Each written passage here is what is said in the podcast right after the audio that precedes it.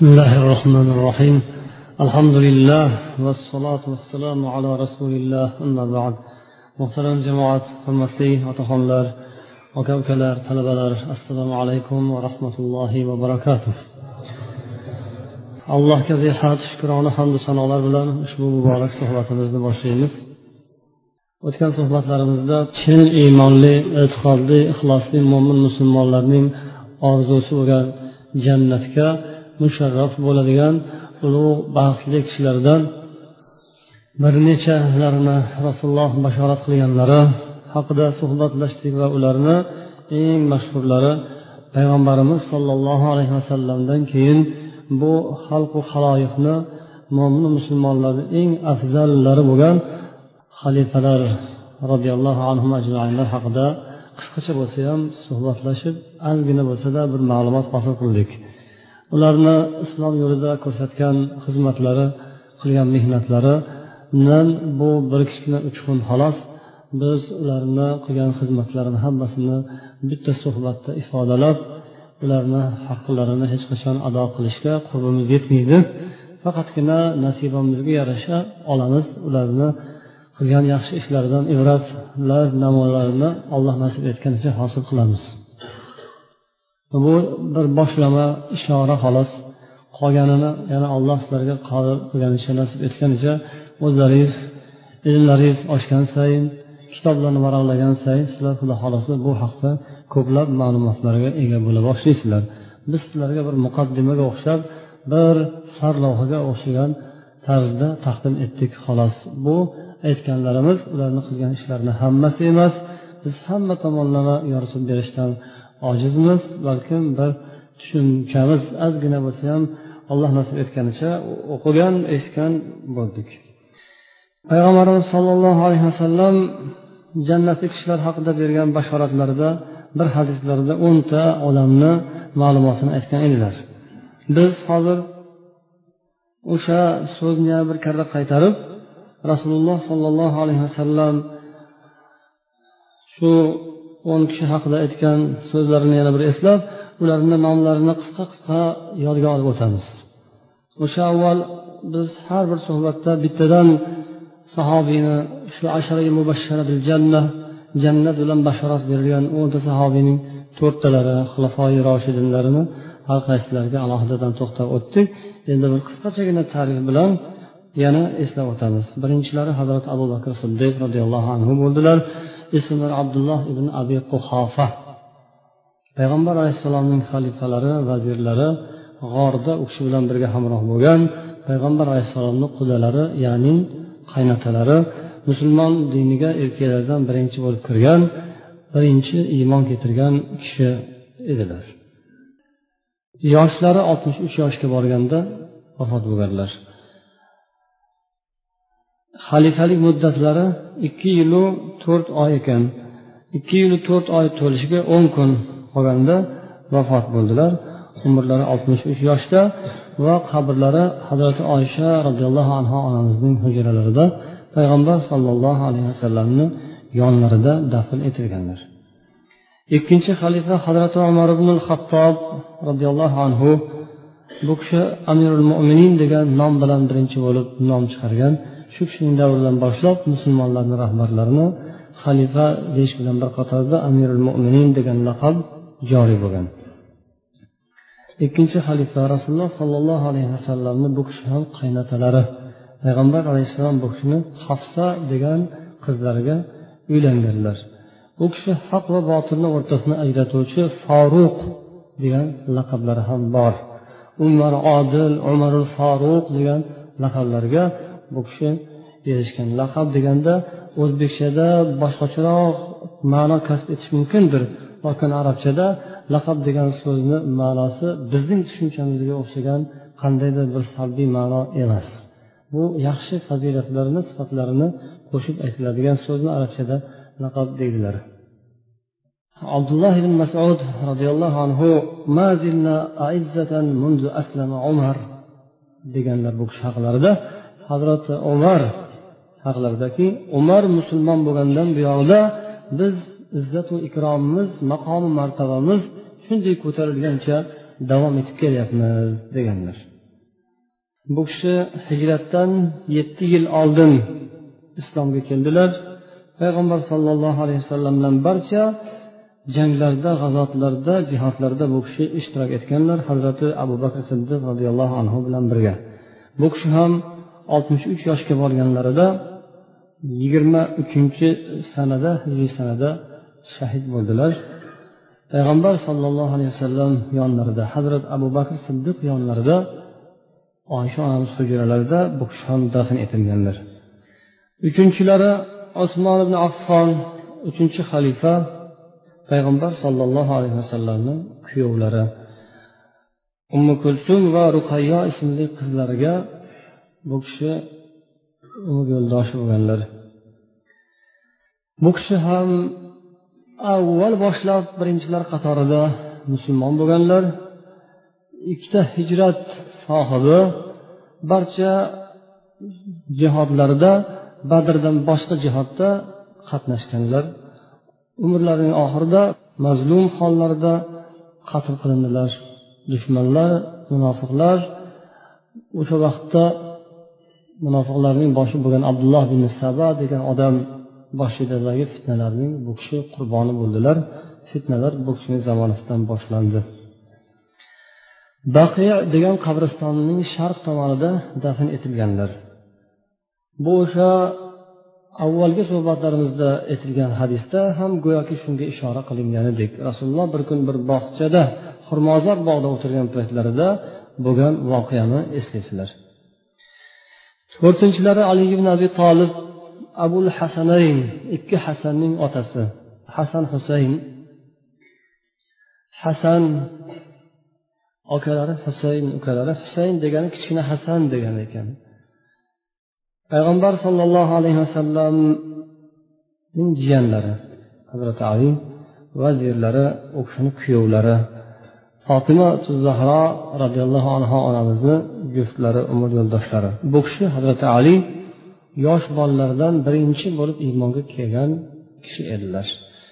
Bolalardan balog'atga yetmagan yosh bolalardan birinchi bo'lib iymonga keldilar va birinchi bo'lib namoz o'qigan kishi bo'ldilar.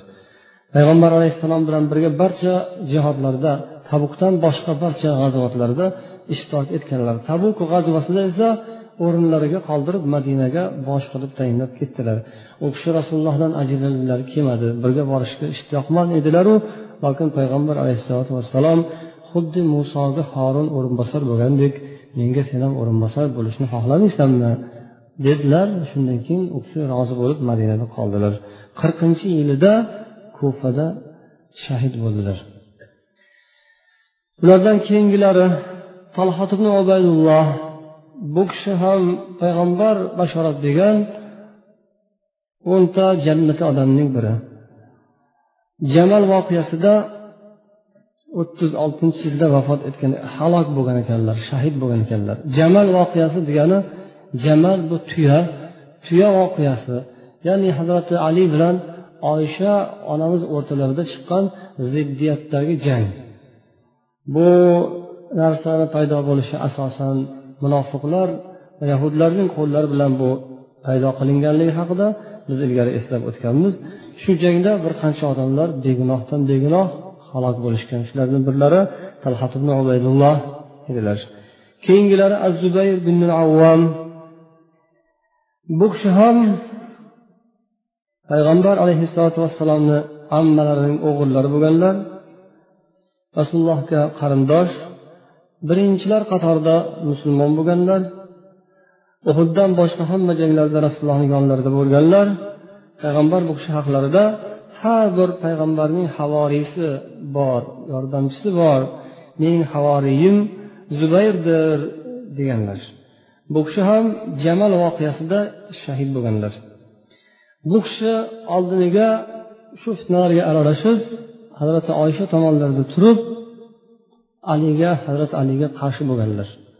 Lokin hazrati ali bu kishi bilan yuzma yuz kelib nasihat qilganlaridan so'ng orqaga qaytib maydonni tashlab ketganlar. Yo'lda ketayotgan paytlarida bir munofiq tomonidan o'ldirilganlar. Yana birlari sad ibn abi vaqqos bu kishi mustajabu davo ekanlar. Duo qilsalar duolari qabul bo'ladigan martabaga erishgan ekanlar. Bu kishi haqlarida jumadagi suhbatlarimizdan birida aytib o'tganmiz. Bu kishiga tuhmat qilgan odamni uchta duo bilan duoibat qilganlar. Uchu duolari ham tegib qarg'ishlari bir odamga tekkani haqida sahih buxoriy kitobida rivoyat bor bu kishi payg'ambar sollallohu alayhi vasallamdan keyingi paydo bo'lgan fitnalarning hammasidan voz kechib alohida bo'lib ajralib chetga chiqib ketganlar. O'zlari madinaning tashqarisida bir uy qurib o'sha uyda o'tirib to vafotlariga qadar ibodat bilan boshqa ishlarga aralashmasdan umrlari shunday uzlatda o'tgan ekan. Bu kishini ham qabrlari hozirgi kunda baqiya qabristonida madinada shu payg'ambar sollallohu alayhi vasallam masjidlari yaqinida baqiya degan qabriston bor o'sha yerda. Sakkizinchilari said ibn zayd hazrati umar ibn hattobni jiyanlari ekanlar. Bu kishi ham ellik birinchi yilda vafot bo'lib doqiya qabristoniga dafn qilingan ekanlar. Keyingilari abdurahmon bin avf islomga eng avval kirgan kishilardan va juda ham boy badavlat odamlardan bo'lganlar qancha ehson qilsalar ham boyliklari ko'payib ketaverar ekan. Kamaysin deb ehson qilar ekanlar ko'payib ketaverar ekan. Bu kishi tabuk g'azvasida rasululloh sollallohu alayhi vasallam bilan birga bo'lganlar sahobiylarni ishlaridan shu kishi bir kun imom bo'lgan paytlarida orqalarida rasululloh iqtido qilib namoz o'qiganlar. Faqat shu kishiga shu narsa nasib bo'lgan ekan bu kishi o'ttiz ikkinchi yilda vafot bo'lganlar baqiy qabristonida dafn etilganlar. O'ninchilari abu jarroh bu kishi ham avval boshlab musulmon bo'lganlardan payg'ambar sollallohu alayhi vasallam bilan uhud jangida birga bo'lganlar rasulullohni himoya qilgan kishilardan bu kishi o'n sakkizinchi hijriy yilida hozirgi urdun mamlakatida amvos degan bir qishloqda jihodda yurgan paytlarida vabo kasali tarqalib o'sha yerda u kishi shu bilan shahid bo'lganlar. Mana bular eng mashhur kishilar. Rasululloh jannatga boradi deb bashorat bergan kishilarning eng mashhurlari. Lokin jannati odamlar faqatgina shu o'ntagina kishi emaslar. Jannati odamlar rasululloh sollallohu alayhi vasallam jannatga kiradi deb bashorat bergan odamlarni sonlari juda ham ko'p ekan. Biz shularni hayotlari bilan qisqacha ozgina tanishgan bo'ldik.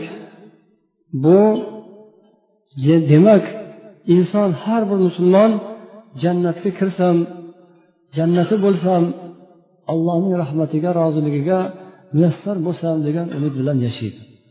Shu umidini ro'yobga chiqarmoq uchun u nimaiki harakat bo'lsa qilishga tayyor bo'ladi. Jannatni qo'lga kiritmoq uchun. Odamlar ba'zi odamlar dunyoda mansabini qo'lga kiritmoq uchun har baloga giriftor bo'ladi. Dunyoviy narsani qo'lga kiritmoq uchun o'zini o'tga cho'qqa uradi. Ammo mo'min musulmon odam eng orzusi allohning roziligi shu jannat. Allohni roziligini topib jannatga dohil bo'lish mo'min musulmon odamning orzusi. Shu yo'lda u harakat qiladi. Shuning uchun ham haligi mansabdor yoki puldor odamlar qanaqa qilib pul topganini o'rganish uchun puldorga yaqin bo'ladi pulni yaxshi ko'radigan odam. Mansabni yaxshi ko'radigan odam mansabdorlar bilan bordi keldini kuchaytiradi ko'paytiradi. Buning sirli asrorlaridan voqif bo'lishga harakat qiladiki qanaqa qilsa tezroq ko'tarilib ketarkin qanaqa qilsa tezroq ko'p narsa oqib kelarkin deb o'shanday ishni biladiganlarga yaqinlashadi. Jannat kerak odam qanaqa qilsa jannatga kirish mumkin ekanligini qalbiga tukkan odam ham jannati odamlarni izlaydi. Jannati odamlarni qidiradi ularga yaqinlashadi ulardan o'rganadi. Jannatga qanday qilib kirsa bo'ladi? Qanday qilsa inson jannati bo'lishi mumkin ekanligini kimdan o'rganish kerak? Jannati deb bashorat berilgan odamdanda albatta. Said ibn zayd roziyallohu anhudan rivoyat bo'ladi quyidagi hadis. Buni tayolisiy va imom ahmad abu dovudlar va termiziylar rivoyat qilishgan ushbu sahih hadis. Said ibn zayd kimlar? Shu jannat bilan bashorat bergan o'nta baxtli odamning birlari. Bu kishidan quyidagi hadis rivoyat bo'lyapti.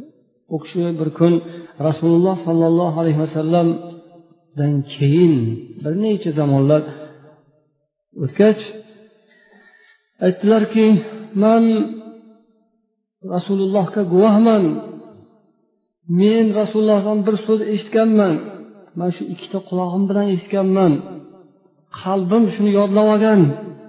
Mana shu so'zni deb aytdilarki payg'ambar alayhissalom bir kun aytdilar abu bakr jannatda dedilar. Umar jannatda dedilar. Ali jannatga kiradi dedilar.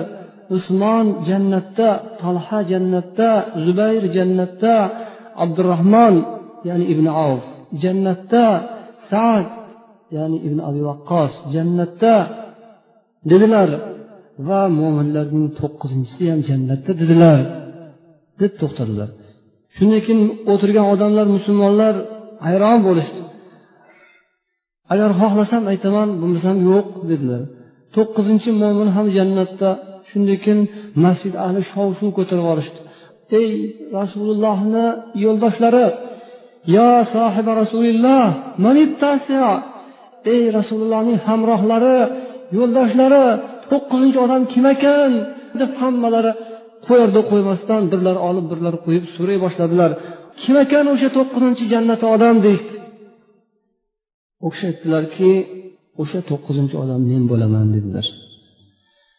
Ya'ni said ibn zaydning o'zlariga ham payg'ambar sollallohu alayhi vasallam jannat bashorat bergan edilar.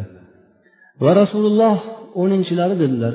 Yana boshqa bir rivoyatda esa o'ninchilari abu ubaydatul jarroh edilar yuqorida nomlari o'tdi keyin bu so'zlarini davom ettirib aytdilarki qasam bilan vallohi لمشهد شهده رجل يغبر فيه وجهه مع رسول الله صلى الله عليه وسلم أفضل من عمل أحدكم ولو عمر عمر نوح عليه السلام alloh nomiga qasamyod etib aytamanki bir odam rasululloh sollallohu alayhi vasallam bilan birga ollohni yo'lida yuzi ozgina chang bo'lib qolishi bu sizlarni bir umr qilgan amallaringizdan ko'ra yaxshiroqdir.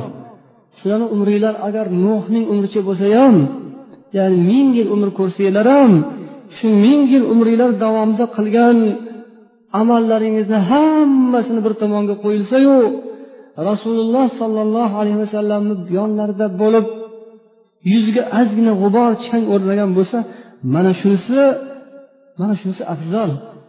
Bu sizlarni hammanglarni ming yillab qilgan amallaringizdan afzal dedilar. Rasululloh sollallohu alayhi vasallamni sahobiylarini maqomi martabalari shunaqa ulug' ekan. Ularga demak allohning marhamati rahmati muruvvati shunaqa ko'p bo'lgan ekan. Shunday baxtli odamlar ekanlar. Alloh o'shalarni yo'llarini bizga ham nasib etib ularchalik yaxshi odam bo'lolmasak ham lokin inshaalloh umid etamizki alloh bizga jannat ato qilar degan orzu bilan umid bilan yashaymiz. Shu orzumizni ro'yobga chiqarish uchun harakat qilamiz amal qilamiz. Biz yuqorida aytdikki jannat ahllari faqat rasululloh o'sha hadislarda aytgan o'ntagina odamdan iborat emas bashorat berilgan kishilar. Jannat ahllari ko'p lokin bashorat berilganlar ham bulardan boshqa yana bir qanchalari bor ekan. Bularni yana ba'zi birlarini eslaymiz yodlaymiz toki shularni ishidan ibrat olishimiz uchun. Bularni har qaysilarini qandaydir bir fazilatlari bor yaxshi jihatlari bo'lgan hammalari barobar bo'lishmagan fazilatda. Birlarida bu fazilat ortiq ikkinchilarida ana u fazilat ortiq hamma fazilatlarini o'zida jam qilgan zot kim? Hazrati muhammad sollallohu alayhi vasallam. Biron bir fazilat qolmasdan odamzodga insoniyatga ma'lum bo'lgan qanday fazilat bo'lsa hammasini alloh taolo jamul jam qilib mukammal qilib rasulullohga hadya etgan edi. Ammo ulardan keyingilarida esa shu fazilatlardan qaysidir biri ko'proq biri ko'proq ikkinchisi kamroq nasib bo'lgan. Lokin shunaqa bo'lsa ham ozmi ko'pmi nasib bo'lgan bo'lsa ham bu ham ulug' narsa. Shunga ham biz umidvormiz shundan ham biz inshaalloh ibrat olamiz shunga ham ergashamiz.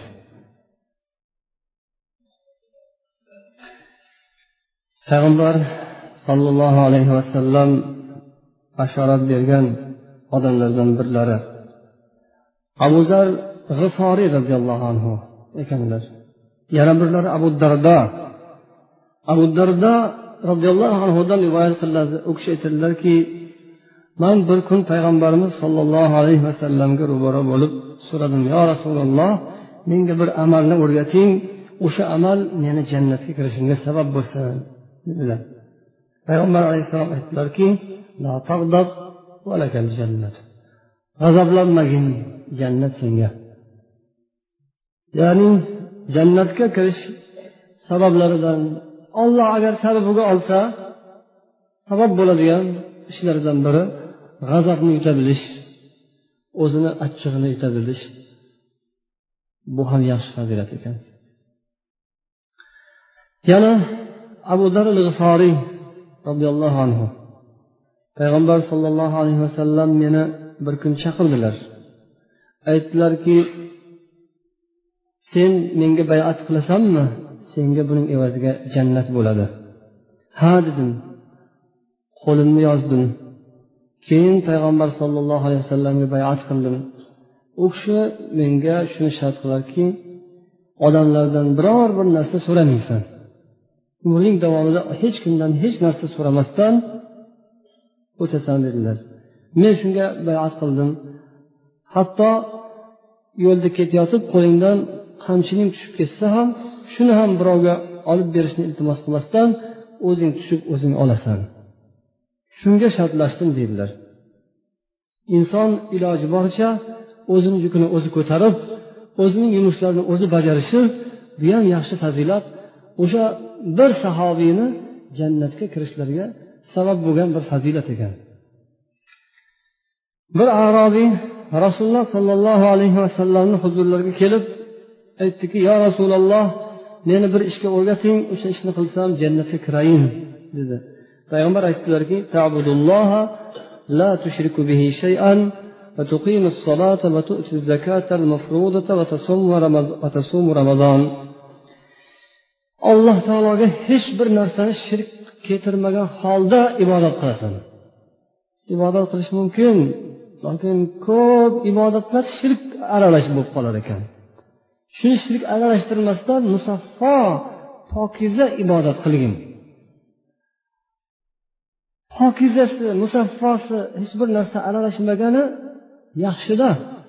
O'zizga ham biror narsa taqdim qilinsa bu haqiqiysimi yoki bo'lmasam yasamasimi yoki poddelkasimi deb bunday tekshirib ko'rasizu haqiqiysi bo'lsa boshqacha bo'ladida.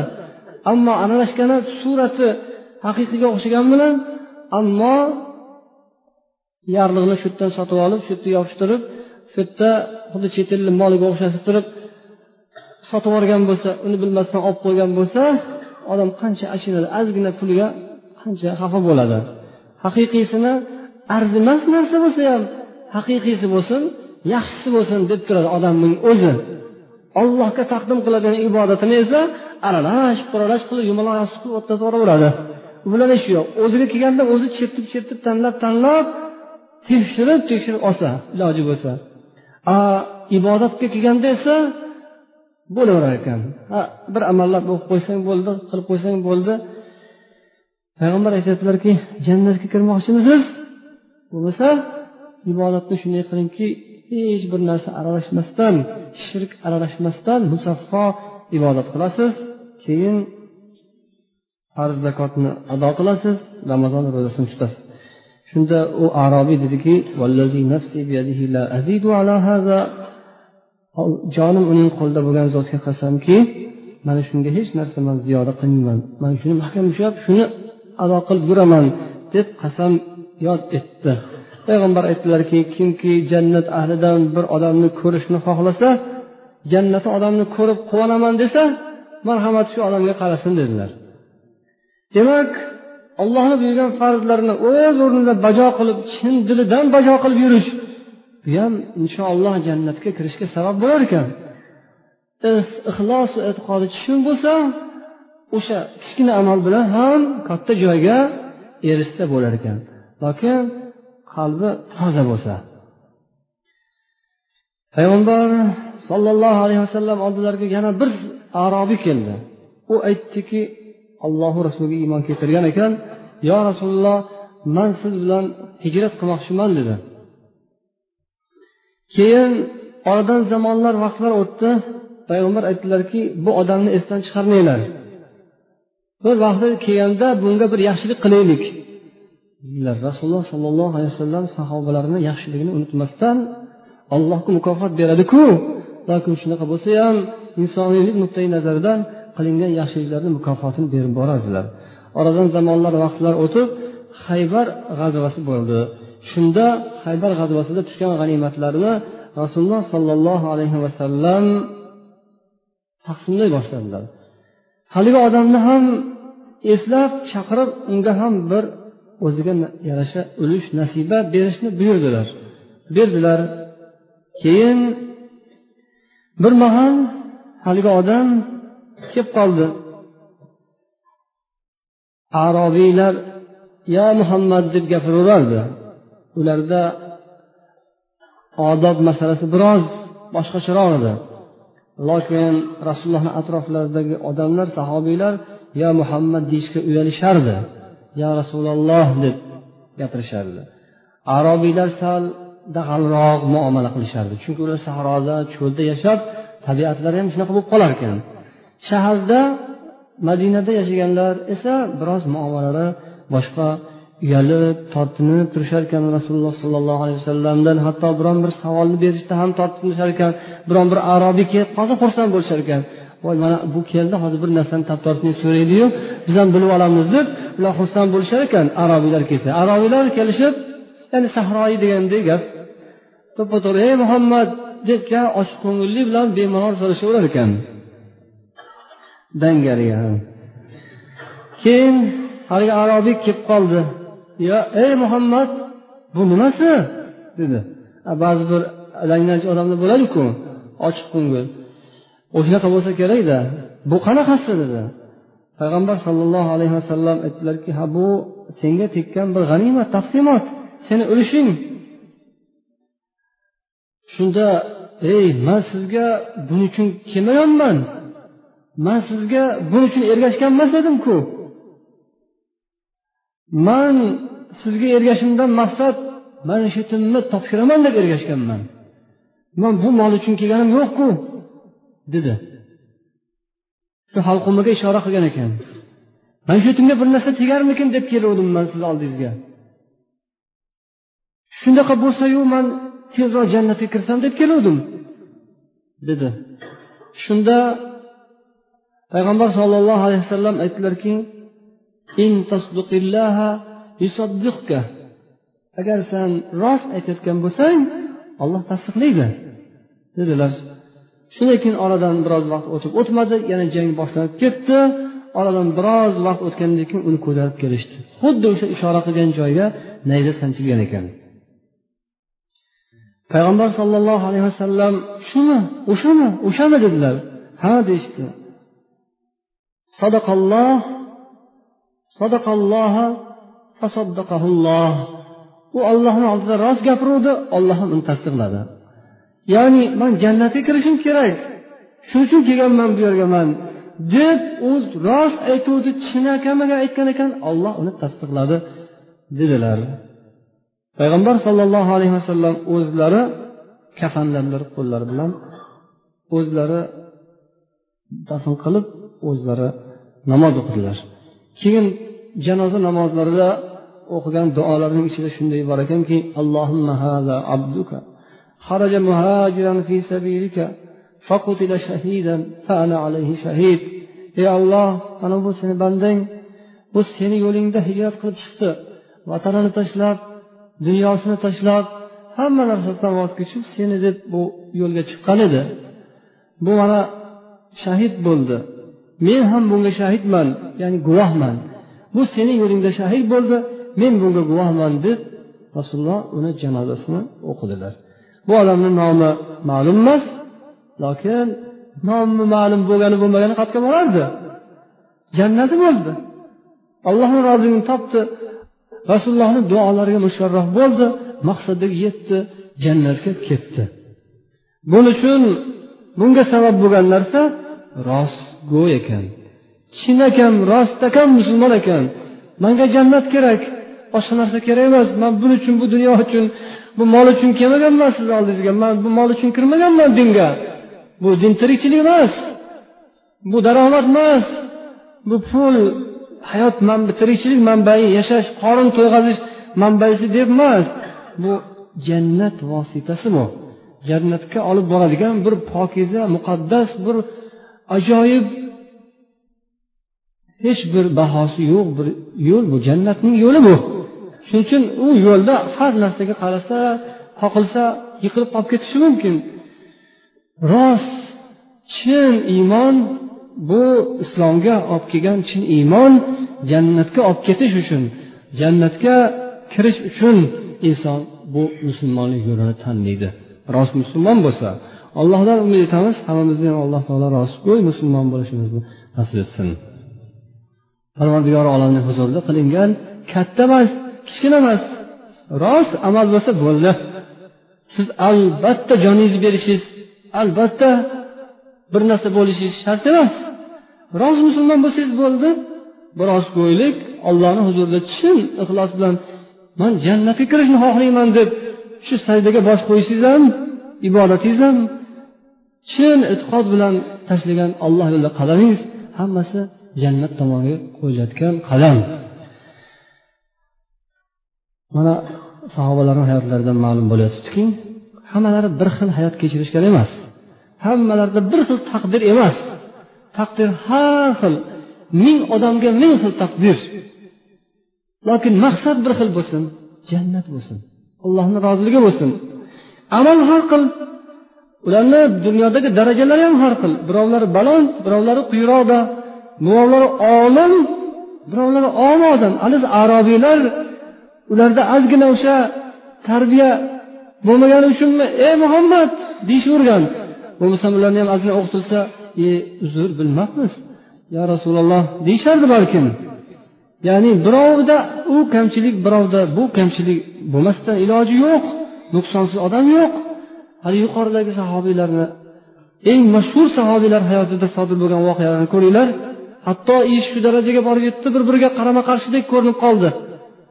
Lokin undan maqsad u kofirlar aytgandek taxt talashish emas edi.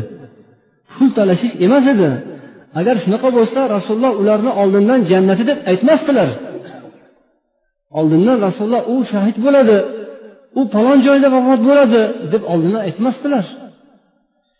Har xil holat bo'lgan har xil vaziyatlar bo'lgan ziddiyatlar bo'lgan lokin bu yaxshi bo'lgan. E'tiqod yaxshi bo'lgan ixlos bilan chin niyat bilan bo'lgan odam chin niyat bilan ham xato qilib qo'yishi mumkin. Nuqsonga yo'l qo'yib qo'yishi mumkin lokin bu yer butun bo'lsa bu yoqni chalasini olloh bulg'atadi bu yoq butun bo'lmasa bu yoqni butunligi hech narsa bermaydi. Bu dunyosi bus butun bo'lsa ham yo'li bus butunga o'xshab turgan odamlarni mana bu butun emas dili toza emas qalbida kirlari bor. Zanglari bor changlari bor. U odamni ishi ming chiroyli bo'lsin butun bo'lsin. Odamni oxir oqibati xunuk. Shuning uchun hammamizda har xil daraja har xil kasbi kor har xil taqdir har xil amal har xil holat.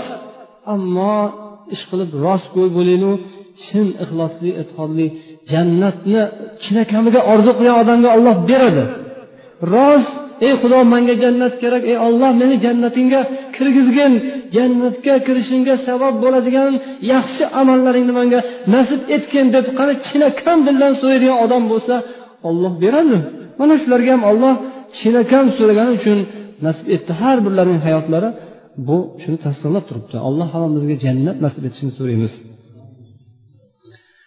Ilgariroqdagi suhbatlarimizda payg'ambar sollallohu alayhi vasallam mani ummatlarimdan yetmish ming odam jannatga hisob qilinmasdan so'roq savol qilinmasdan marhamat o'tiringlar o'tiringlar deb kirgiziladi yetmish ming odam degandilar.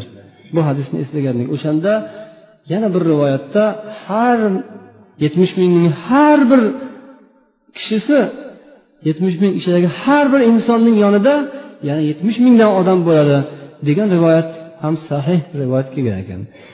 O'shanda biz o'shani chuqur e, tekshirmasdan yozilganini shunday o'qib olavergan ekanmiz.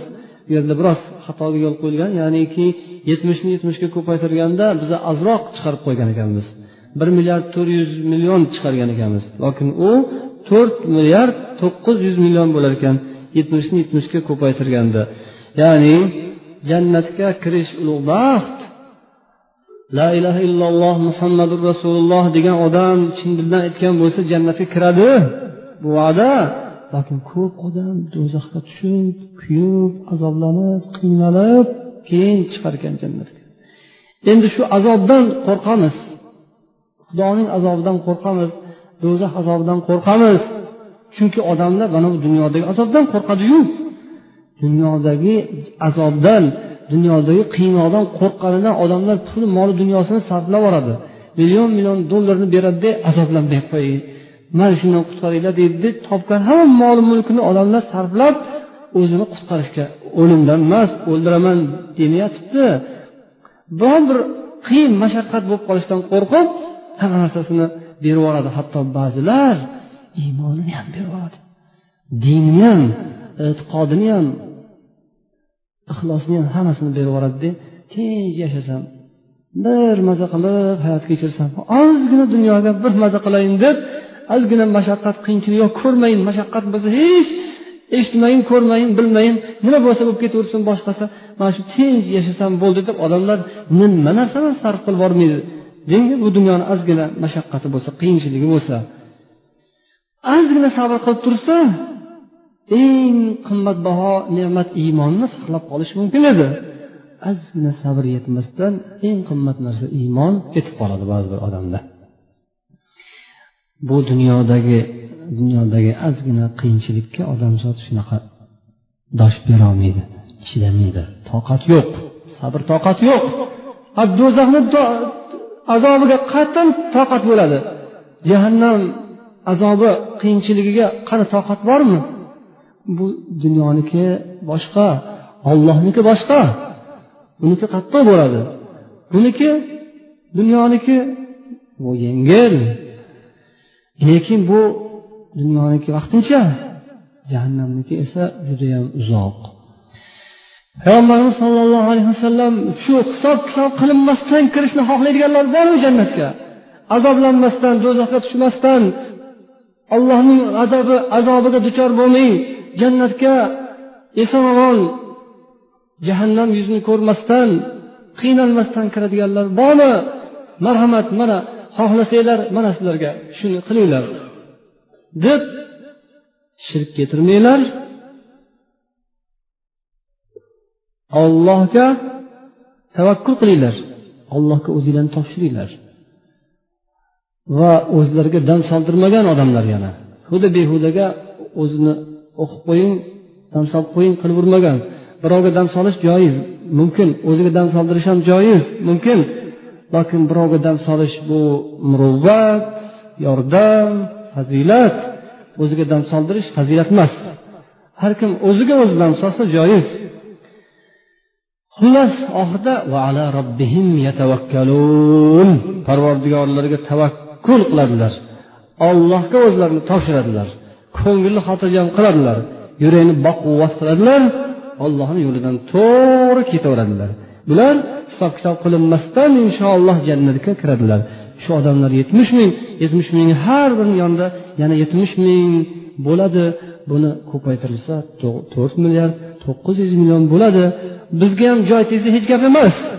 Allohni marhamati muruvvati kamaymaydi. Faqat ixlosimiz e'tiqodimiz bo'lib ey xudoyo xudovalloh hech narsang kamayib qolmaydiku sani meni ham o'shalardan qilgin. deb bu yerdan chin e'tiqod niyat kerak. Xudoyim shu niyatimizni rost qilsin.